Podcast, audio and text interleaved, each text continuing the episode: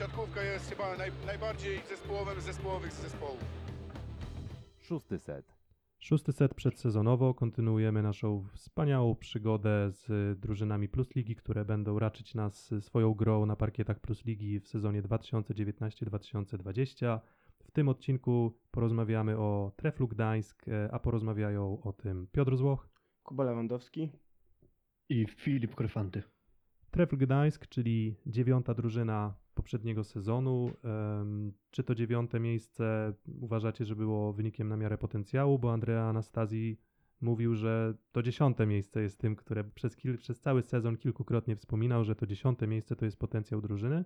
No i słowo prawie, że ciałem się stało miejsce dziewiąte. Uważacie, że to jest wynik na miarę oczekiwań, potencjału tej drużyny?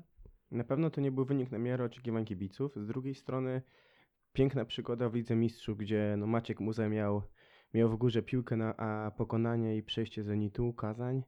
Troszeczkę to chyba wynagrodziła, bo, bo miało się takie wrażenie, obserwując drużynę z Gdańska, że troszeczkę ta ligowa rywalizacja w fazie zasadniczej ich męczyła, a, a na mecze Ligi Mistrzów to następowała dodatkowa mobilizacja i, i te zawodnicy, którzy delikatnie rozczarowywali e, w rozgrywkach plusligowych, jak na przykład Nikola Michajlowicz, e, w rozgrywkach Ligi Mistrzów wznosili się na, na maks swoich możliwości. Co sądzisz, Filipie? Znaczy, skoro Andrea Anastazji powiedział, że stać ich na miejsce dziesiąte, zajęli miejsce, e, tak jak Piotrze powiedziałeś, no to wydaje mi się, że nie ma co tutaj z trenerem Anastazją polemizować, więc to mówisz, był po że- prostu sezon w Czyli- porządku. Czyli nie- nie odważasz się kwestionować e, wiedzy Andrei Anastaziego. No trener dość niezły, no tak to ujmę. Jednak sukcesów, sukcesów trochę miał. Myślę, myślę, że wiedział, wiedział co mówi. Mm, No przejdźmy może do składu Trefla Gdańsk na, na, na obecny sezon. Mm, Na przyjęciu dwie postaci zostały z względem poprzedniego sezonu w składzie. E, Ruben Schott, reprezentant Niemiec i Szymon Jakubiszak. No myślę, że jeden z dość zdolnych y, młodych polskich przyjmujących. Do tego zestawienia, do tej dwójki dołączył Paweł Halaba w zeszłym sezonie w lidze niemieckiej oraz Mateusz Janikowski, wypożyczony, jeśli dobrze pamiętam, z Tak, i tu wstaw nazwę Klub Warszawa, bo na ten moment, na moment nagrania naszego podcastu nie wiemy jeszcze, jak będzie nazywał się klub, czy w ogóle klub z Warszawy e, wystąpi w następ, następnym sezonie, no ale my nie o klubie z Warszawy. Co sądzicie o takim zestawieniu przyjęcia? Może Kuba? Em, Dwie korekty do poprzedniego sezonu nastąpiły i tutaj drużynę troszeczkę już wydaje mi się tworzono pod, pod wizję Michała Winiarskiego, który dość szybko został zakontraktowany już, już y, wczesną wiosną widziany był w Gdańsku na rozmowach, szybko został zakontraktowany jako następca tenera Anastaziego, z którym na pewno e, bez którego na pewno będzie ciężko w Gdańsku, bo tutaj osobista taka moja refleksja E, Wspaniałą drużynę i wspaniałą atmosferę udało się zbudować w Gdańsku przez te, przez te lat, którym, którymi trenerem był, był trener Anastazji. Bardzo często zapełniała się znacząco ogromna Ergo Arena. Były bite rekordy na meczach ze Skrom, także oby, oby mm, trener Winiarski e, równał do sukcesów trenera Anastazjego. E, I tutaj wracając do, do wyboru przyjmujących, mam takie wrażenie, że mm, byli oni wybrani w dużej mierze pod modłę właśnie nowego trenera, tak? Bo wybrano raczej defensywnych przyjmujących albo takich, którzy są dosyć zrównoważeni. E, Mateusz Janikowski, który w poprzednim sezonie czasami wchodził już na zmianę na przyjęcie w drużynie z Warszawy i to przyjęcie prezentował na bardzo wysokim poziomie, pl- plus jego dosyć plastyczna lewa ręka. E, To może być ciekawa alternatywa dla Szymona Jakubiszaka, który mm, dysponuje dużo lepszymi warunkami fizycznymi, no ale natomiast e, w elemencie przyjęcia jest troszeczkę słabszy. Ruben Schott, bardzo solidny niemiecki przyjmujący, który w poprzednim sezonie prezentował się bardzo solidnie. Rzadko kiedy notował bardzo dobre występy, ale też rzadko kiedy schodził poniżej określonego poziomu. No i nowa postać Paweł Halaba, dwa sezony temu w Czechach, czeskie Budyjowice, ubiegły sezon Alpen Volley Hacking w Niemczech, brązowy medal, jeżeli dobrze pamiętam, i bardzo solidna postawa Pawła. e, Sporo e, skończonych ataków, bardzo dobrze trzymał przyjęcie drużyny niemieckiej i też te, te, te walory bardzo pokazywał na uniwersjadzie, gdzie był najczęściej grającym z naszych przyjmujących. Dobrze, to może przerwę Kuba. Mm, Ja mm, trochę obawiam się, że w tym konkretnym zestawieniu na przyjmujących mm, moc ofensywna jest po prostu dość mikra, bo Ruben Schott to raczej taki zbalansowany zawodnik, który, który, który no, do, lepiej zabezpiecza chyba przyjęcie niż, niż, niż radzi sobie w ofensywie. Szymon Jakubiszak no to jest taki wyjątek, tak, no on jest zdecydowanie ofensywny. Jeżeli będzie na miarę swojego potencjału bardzo dużego grał, no to on może być tutaj faktycznie zawodnikiem od kończenia trudnych piłek, no ale ani Paweł Halaba, no nie, to nie jest ta charakterystyka, ani Mateusz Janikowski. Wszyscy czterej przyjmujący są dość zbalansowani, ale żebym powiedział, że to jest jakaś mocna skrzydle, która, która, która mnie, mnie powala, to absolutnie nie. To być może Paweł Halaba okaże się przyjmującym, który weźmie na siebie ciężar ofensywy, a mówię to na podstawie tego, co działo się w Niemczech, chociaż wiadomo, że to jest Liga Niemiecka i trzeba na to brać odpowiednią poprawkę, to Paweł Halaba na poziomie półfinałów playoff z późniejszym mistrzem Niemiec Berliner Seiling Volleys był regularnie drugim punktującym swojego zespołu, a oprócz tego był trzeci w całej fazie playoff pod względem efektywności ataku. Więc to pozwala mieć nadzieję, że akurat na Halabie będzie można w ataku polegać i sprowadzony Bartosz Filipiak nie będzie osamotniony niczym e, na przykład Jan Hadrawa w zeszłym sezonie. Doskonale, prze- doskonałe przejście pomiędzy pozycją przyjmujących. No chyba, że jeszcze chcecie coś y, Delikatna powiedzieć. taka uwaga, troszeczkę ma problemów teraz Paweł Chaleba zdrowotnych i w ostatnich sparingach nie grał. Grał za to e, Szymon Jakubiszak i, i był w tym w, oczywiście sytuacji drugim wyborem e, rozgrywających i, i sporo w tych sparingach punktuje. Mm, No i o, może jeszcze o Pawle Halabie, że no był to podstawowy przyjmujący w uniwersjadowej drużynie Pawła Wojckiego, która zdobyła srebrny medal, medal na tegorocznej uniwersjadzie, więc no jednak tak, tak wspominaliśmy też w odcinku o Kuprum Lubin, że, że po prostu Paweł Wojicki akurat Pawła Halabę i Kamila Semeniuka po prostu stawiał wyżej niż Bartłomieja Lipińskiego, więc zakładamy, że miał ku temu pewne przesłanki. Filipie, wspomniałeś o Bartoszu Filipiaku, no i właśnie Bartosz Filipiak w zeszłym sezonie Wisla Bydgoszcz, y, tym sezonie Tref Gdańsk, więc przesuwa się niedaleko na północ e, z Bydgoszczy. No i bardzo cieszę się, że w końcu z tej Bydgoszczy się wyrywa, bo, bo, bo, bardzo lubię tego zawodnika, cenię tego zawodnika. Uważam, że jego potencjał sportowy jest wyższy niż na grę o powiedzmy nie wiem, miejsca 11, 12, 13. No i myślę, że, że dlatego też taką decyzję podjął, no bo poza tymi problemami finansowymi, które w Bydgoszczy miały miejsce, no to chyba po prostu przyszedł czas dla Bartosza Filipiaka na zmianę. Pełna zgoda z mojej strony. E, Bardzo dobry sezon, jak na drużynę, w której występował u Bartka. E, Grał praktycznie bez przerwy e, i widać było wyraźnie, że się rozwinął. Również sporo spotkań na uniwersjadzie zagrał. No i finalnie został też finalnie powołany przez Witala Heinena na turniej Ligi Narodów w Niemczech, gdzie też miał możliwość debiutu. Obserwując jakby jak budował drużynę trener winiarski, ja mam takie nieodparte wrażenie, że on chciał troszeczkę zbudować oczywiście zachowanie wszystkich proporcji, pewną drużynę z kry. Bo y, charakterystyka Bartka Filipiaka jest taka, że on stara się atakować szybkich piłek, a do tego dokładając przyjmujących, którzy mieliby zagwarantować y, dwóm młodym rozgrywającym e, piłkę przy siatce, to, to myślę, że trener Winiarski będzie liczył na to, że drużyna będzie grała po prostu szybką piłkę. Też był rozgrywający PGS Marcin Janusz, jeśli tak trochę się trzymamy Dokładnie. tego, co było w Bełchatowie. Mm. Czy będzie szybka piłka? Wydaje mi się, że to jest sytuacja podobna jak w Suwałkach, gdzie też nie ma tych zawodników do gry ofensywnej bardzo predestynowanych. Dlatego jestem skłonny się zgodzić, że rzeczywiście Gdańszczanie będą stawiać na szybką i różnorodną grę w ataku.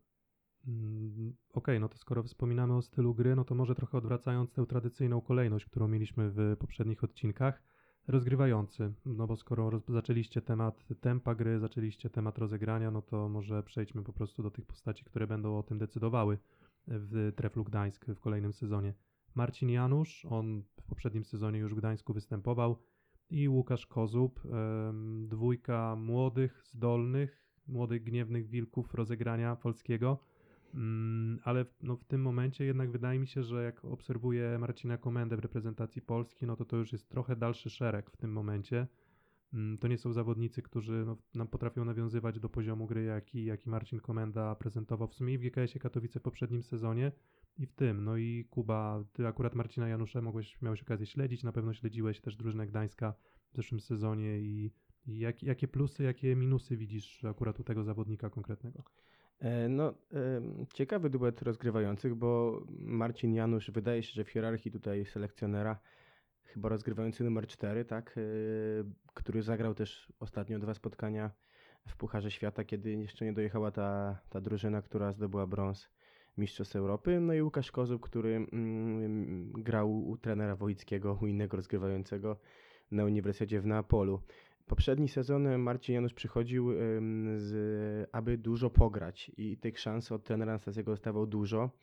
Czy je wykorzystywał, to jest troszeczkę inna sprawa i, i, i było takie wrażenie w ubiegłym sezonie, że delikatnie momentami Marcin Janusz rozczarowywał.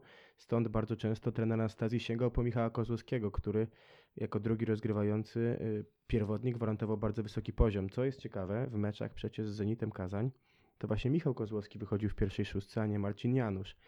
Więc czy, czy Marcin Janusz w tym sezonie, mając na uwadze treningi z reprezentacją Polski, mając na uwadze występ w wielu turniejach Ligi Narodów, czy w tych dwóch spotkaniach Pucharu Świata, czy będzie w stanie podołać jako pierwszy rozgrywający mm, i lekko wznieść się po- powyżej poziomu z poprzedniego sezonu, gdzie brakowało troszeczkę dokładności, e, to się zastanawiam, mówiąc szczerze. Nie wiem, co uważasz ty, Filipie.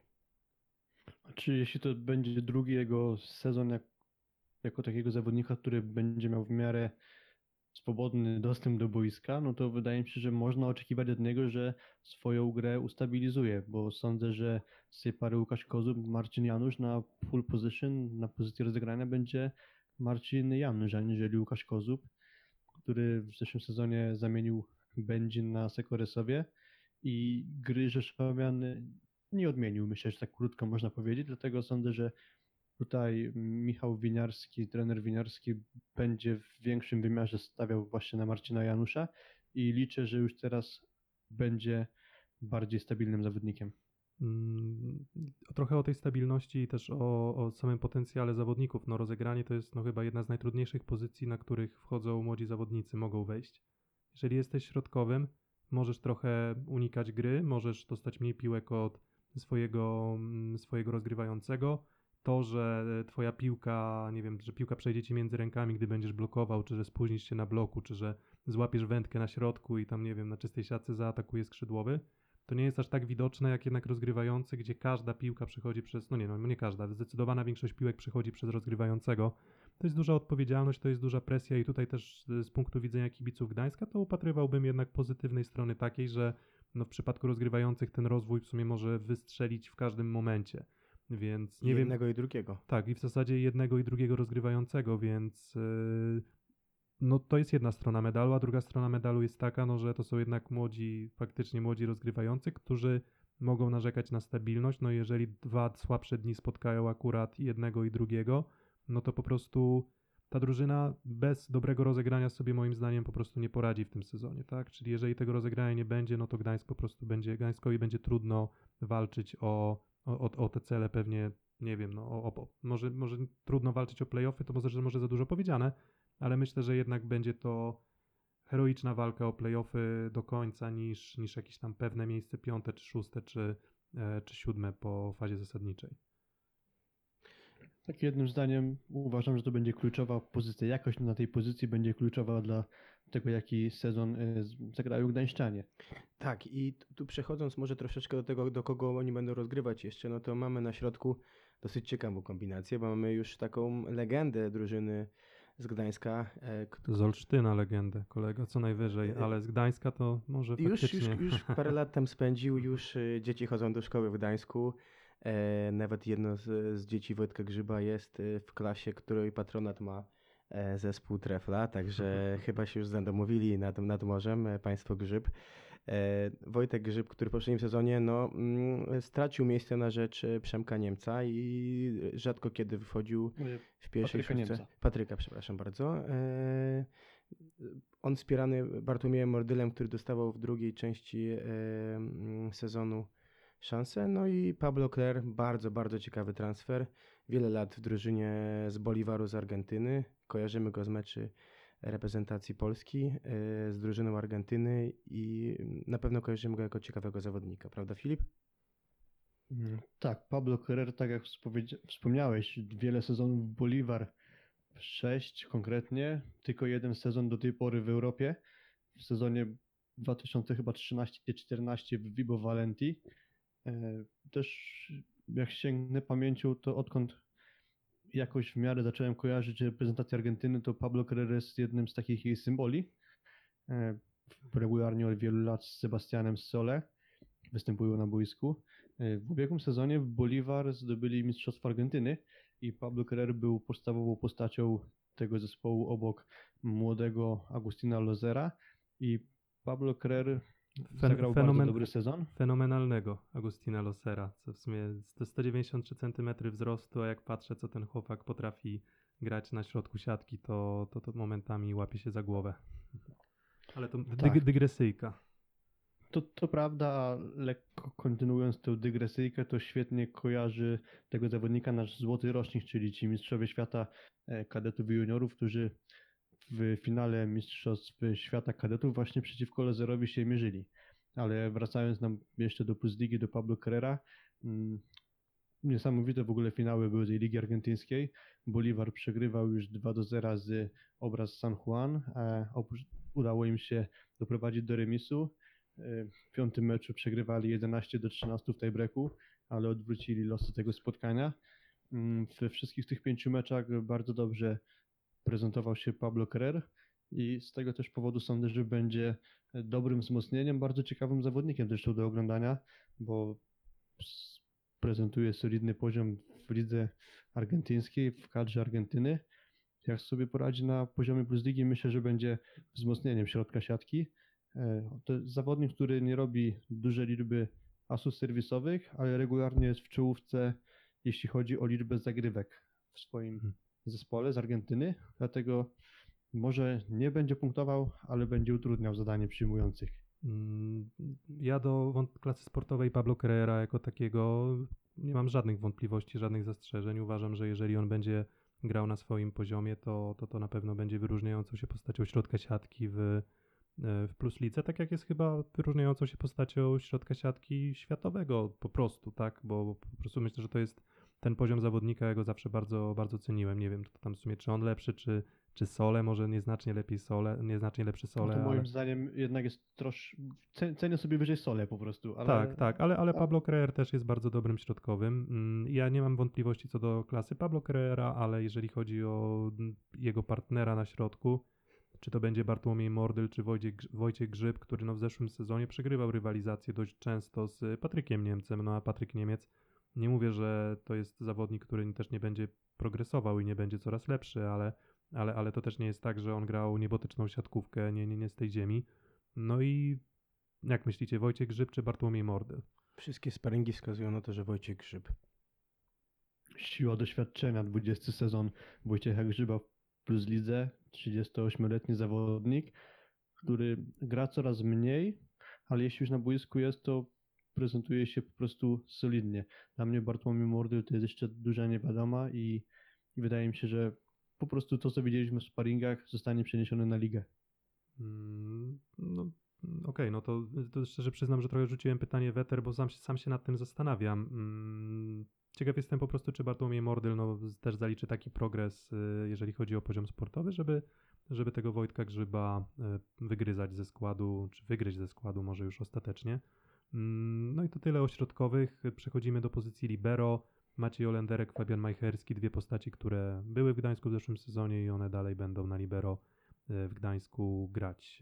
E, Czy jakoś chcielibyście skomentować postaci, e, bo ty Kuba, mówię, Maciej Olenderek, no jakie wady, czy jakie zalety ma, ma Maciek? On, bo on pewnie będzie tym podstawowym libero. Będzie podstawowym, natomiast gdyby go zabrakło, to też Fabian Majcherski pokazywał i chociażby w Final Four Pucharu Polski yy, dwa sezony temu, że jest w stanie go zastąpić i poziom utrzymać.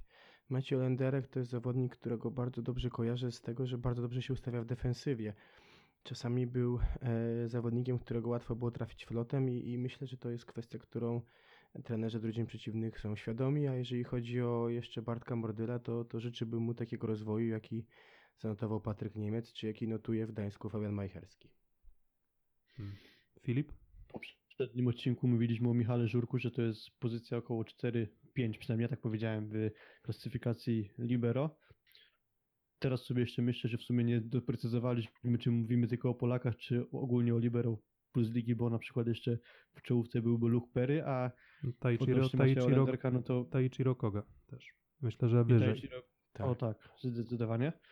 No i Macieja Olenderka myślę, że sklasyfikowałbym niżej aniżeli chociaż trzeba podkreślić, że z tym Maciejem Olenderkiem i Fabianem Majcherskim Gdańszczanie zdobyli brązowy medal, więc to nie jest pozycja, która obsada pozycji, która by uniemożliwiała grę o dobre cele. Tak, zdobyli brązowy medal, no ale mieli na przyjęciu Artura Szalpuka i Mateusza Mikę, no więc no, można powiedzieć, że no oni, oni akurat Olenderka, utrudnienie dla obecnych libero, to na pewno. tak, a w tym momencie, no w tym zestawieniu na przyjęciu nie ukryją się panowie libero, w sensie oni będą musieli po prostu brać na siebie, brać na siebie też jakiś tam część boiska, no na pewno, na pewno dość znaczącą. Mm, Więc poznaliśmy skład y, i my poznaliśmy, my już znamy, a wy poznaliście widzowie i słuchacze mm, szóstego seta. No więc y, transfery z klubu do innych klubów, y, czyli kogo Gdańsku tracił, no i ta lista jest dość długa. Mm, Zaczynamy, no trener Andrea Anastazji. Mm, On, on odszedł do klubu z Warszawy. E, Na przyjęciu Nikola Mijajlowicz, Miłosz Hebda, atakujący Maciej Muzaj e, spróbuje swoich sił w lidze rosyjskich w Surgucie. E, Na środku Piotr, Piotrek Nowakowski i Patryk Niemiec to są dwie postaci, które do, również do Warszawy idą. No i ten zaciąg gdański w Warszawie uzupełnia Michał Kozłowski, czyli, czyli cztery postaci z, z Gdańska z zeszłego sezonu w Warszawie będą grały. Mm, Trzy, trzy na boisku, znaczy trzy będą grały, a jedna będzie zarządzała tymi, którzy będą grać. E, No i największa strata, jak myślicie? Absolutnie trener. Mm, Pięć lat e, w Gdańsku trenera Anastazjego to jest zbudowanie kapitalnej ilości zawodników, którzy w Gdańsku zrobili wielki progres. Przecież to z Gdańska wywodził się, znaczy w Gdańsku grał przed tym, jak e, wraz z Michałem Kubiakiem doprowadził nas na przyjęciu do złotego medalu Artur Szalpuk. E, To w Gdańsku progres zanotował Maciej Muzaj, także był pierwszym atakującym w turnieju kwalifikacyjnym do Igrzysk i na Mistrzostwach Europy. To tutaj Piotr Nowakowski ustabilizował swoją formę, także myślę, że poza wszystkimi zawodnikami największą stratą jest Andrea Anastazji, bo zamieniać jednego z najlepszych trenerów na świecie na fantastycznego zawodnika, ale trenerskiego nowicjusza to jest duże ryzyko, jakie podejmują włodarze klubu z Gdańska.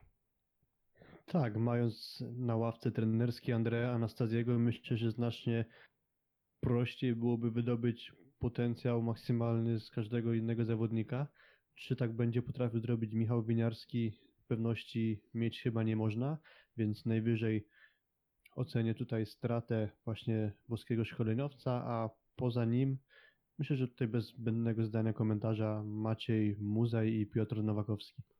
Mm, To ja tak muszę się odnieść do Andrei Anastazjego. Ja nie jestem jakimś wyznawcą kościoła Andrei Anastazjego. Ja nie uważam, że, że to jest trener, który ma odpowiedź na wszystko i u niego nagle wszyscy zawodnicy brylują. No można by powiedzieć, czy on miał po prostu zawodników, którzy mieli genialny potencjał, no bo no, wspomniałeś Artur Szalpuk, no to wszyscy wiedzieli, że jaki ma potencjał Artur Szalpuk. Piotrek Nowakowski, wszyscy wiedzieli, jak potrafi grać Piotrek Nowakowski.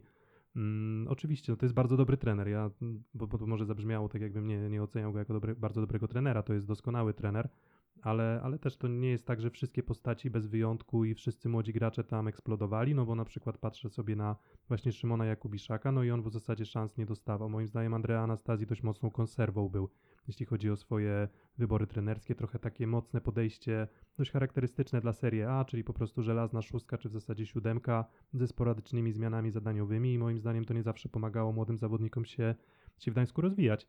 Takie jest moje zdanie, ale na tle Michała Winiarskiego, co do którego mam, mam duże wątpliwości, nie będę ukrywał, nie wiem jak sobie poradzi mm, w tym sezonie, to, to, to, na pewno jest przepaść. No i myślę, że jednak Piotrek Nowakowski, bo Bartosz Filipiak uważam, że jest dość dobrym następstwem Macieja Muzaja, a Piotrek Nowakowski po prostu mm, no, będzie go brakowało. Mm, Czy nie macie też, czy nie jesteście odrobinę zaskoczeni tym, że w zasadzie tylko dwóch obcokrajowców mamy w, w drużynie Trefla Gdańsk? Troszeczkę jestem, a, a pozwolisz mi się z Tobą jeszcze przez minutę pokłócić, czy nie? Oczywiście, zapraszam. No, jesteśmy tu po to, żeby dyskutować ze sobą. Damian Schulz. e, Sezon e, w Gdańsku mm, tak naprawdę spędzony po tym, jak terminował u boku jeszcze Marfiego Troja, potem w Gdańsku. Wyglądał bardzo dobrze. Fakt, że też był bardzo mocno obciążany, ale jego gra pozwoliła mu na tyle, aby znalazł się w szerokim kadrze na Mistrzostwa Świata i ten złoty medal zdobył. Następny rok w Resowi dużo słabszy, także uważam, że i- tak jak często To- nie podobało kto, mi Kto się... nie, miał, kto, kto nie miał złego sezonu w tej Resowi? To jest inna sprawa. Tak jak często mi się nie podobało trenera Staziego, to jak prowadził drużynę w trakcie meczu, tak uważam, że wielu zawodników po prostu w Gdańsku, którzy dostało szansę gry w szóstce, e, po prostu się rozwinęło. To, że on rzadko zmieniał, to też się zgadzam, ale myślę, że rozwój tych, którzy dostali szansę, byli lekko nierówni przed przyjściem, tak jak na przykład Maciej Muzaj. I praca z Andreą pozwalała im na pewien krok do przodu i ustabilizowanie swojej formy. To a propos dyskusji, jeszcze pozwolę sobie lekko wziąć w obronę Damiana Szulca. E, Damian Szulc e, po tym świetnym sezonie w Gdańsku trafił do kadry Witala Heinena, został mistrzem świata, ale to był jego pierwszy sezon reprezentacyjny. On wcześniej po sezonie ligowym miał długą przerwę i myślę, że ten sezon kadrowy właśnie lekko się odbył na jego zdrowiu. Przez to problemy zdrowotne plus mam wrażenie problem z rozgrywającymi w Rzeszowie właściwie z ich niezbyt dobrą grą, spowodował, że mieliśmy takiego Damiana Szulca, jakiego mieliśmy. E, I to może nie do końca akurat wynika ze zmiany otoczenia. No, myślę, że to jest fajne podsumowanie, a wracając do pytania, które było postawione, czy dziwi y, obecność tylko dwóch obcokrajowców? No, myślę, że tak jak mówię, y, znając troszeczkę środowisko gdańskie, dość szybki wybór trenera Winierskiego powodował, że to on w dużej mierze mógł decydować o wyborach, jakie były dokonane i mm, ryzyko z Pawłem Halabą, który wraca do Polski po grze w słabszych ligach jest, jest spore. E, Transfer Bartka Filipiaka jest bardzo, wydaje się, rozsądny i, i, i, i pewnie każdy się pod nim podpisał. E, Natomiast no nie ukrywajmy też, że po, po pewnych problemach ze sponsorem, e, którym była spółka Skarbu Państwa, po prostu budżet drużyny z Gdańska też już nie jest tak wysoki, jak był w przeszłości. Mm, No i może tą myślą zakończmy pierwszą część e, audycji o Treflu Gdańsk. Transfery poznaliście, transfery Dla do klubu, dopełnienia transfery z jedna klubu. rzecz. Bartosz Filipiak plus Kevin Sasak, o którym nie wspomnieliśmy. To będzie para atakujących Gdańska, tak uzupełniając już, Tak. kompletując kadrę. Tak, no i zaraz y, usłyszycie, jaka jest awizowana przez nas szóstka podstawowa, czy w zasadzie siódemka podstawowa Trefla Gdańsk, jaka jest druga szóstka i jak przewidujemy, co wydarzy się z Treflem Gdańsk w następnym sezonie Plus Ligi. Szósty set. Więc tak, awizowana szóstka e, Trefla Gdańsk na nadchodzący sezon. Myślę, że jednak pierwszym rozgrywającym Marcin Janusz, Bartosz Filipiak e, po przekątnej, na przyjęciu Ruben Schott i Paweł Halaba. E, na środku sparingi pokazują, że prawdopodobnie para Wojciech Grzyb i Pablo Kreer, na libero Maciej Olenderek. Druga szóstka mm, Łukasz Kozub i Kevin Sasak, wspomniany chwilę wcześniej. Mm, Mateusz Janikowski i Szymon Jakubiszak na przyjęciu, mm, Bartłomiej Mordyl i prawdopodobnie jeden z wychowanków na, na, jako drugi środkowy. I Fabian Majcherski na libero. Mm, Na tren, a trenerem klubu Michał Winiarski, jego pierwszy sezon w roli pierwszego szkoleniowca. No i ten przepis Trefla Gdańsk, jak te, okej, dobra, teraz jak te puzzle poukładają się w drużynie Gdańska, żeby, e, żeby, żeby stworzyć z tego ładny obrazek.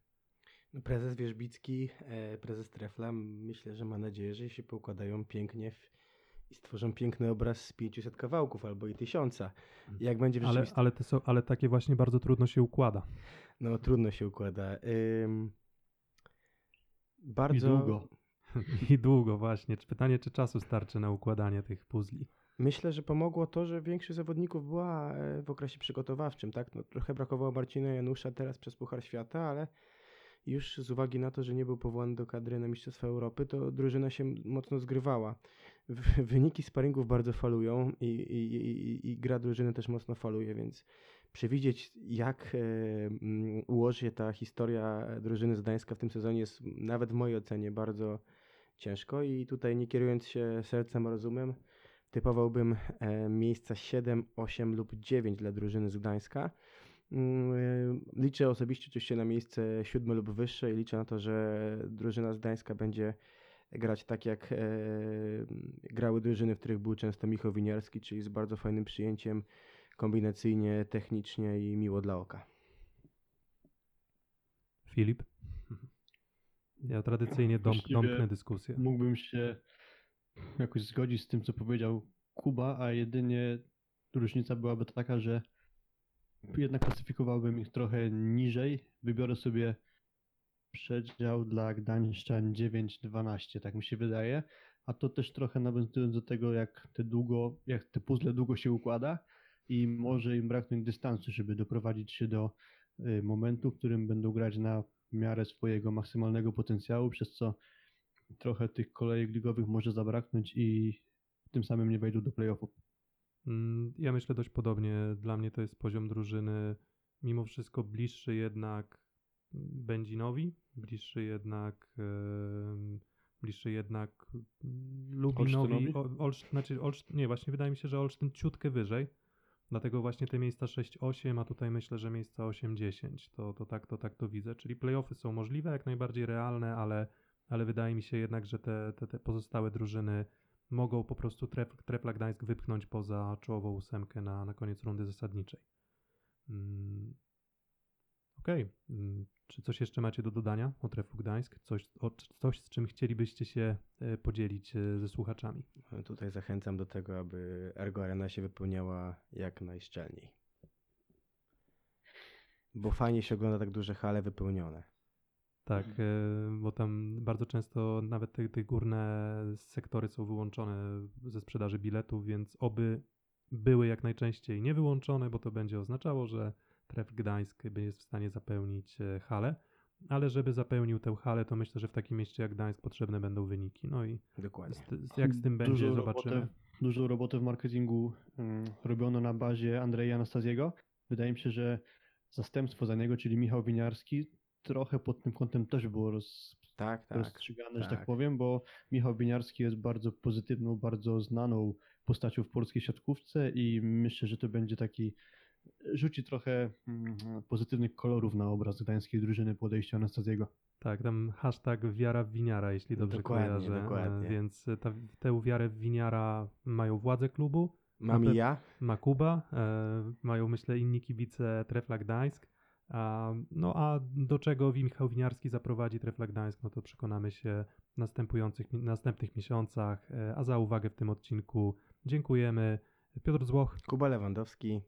I Filip Kurfanty. słuchajcie nas na Spotify.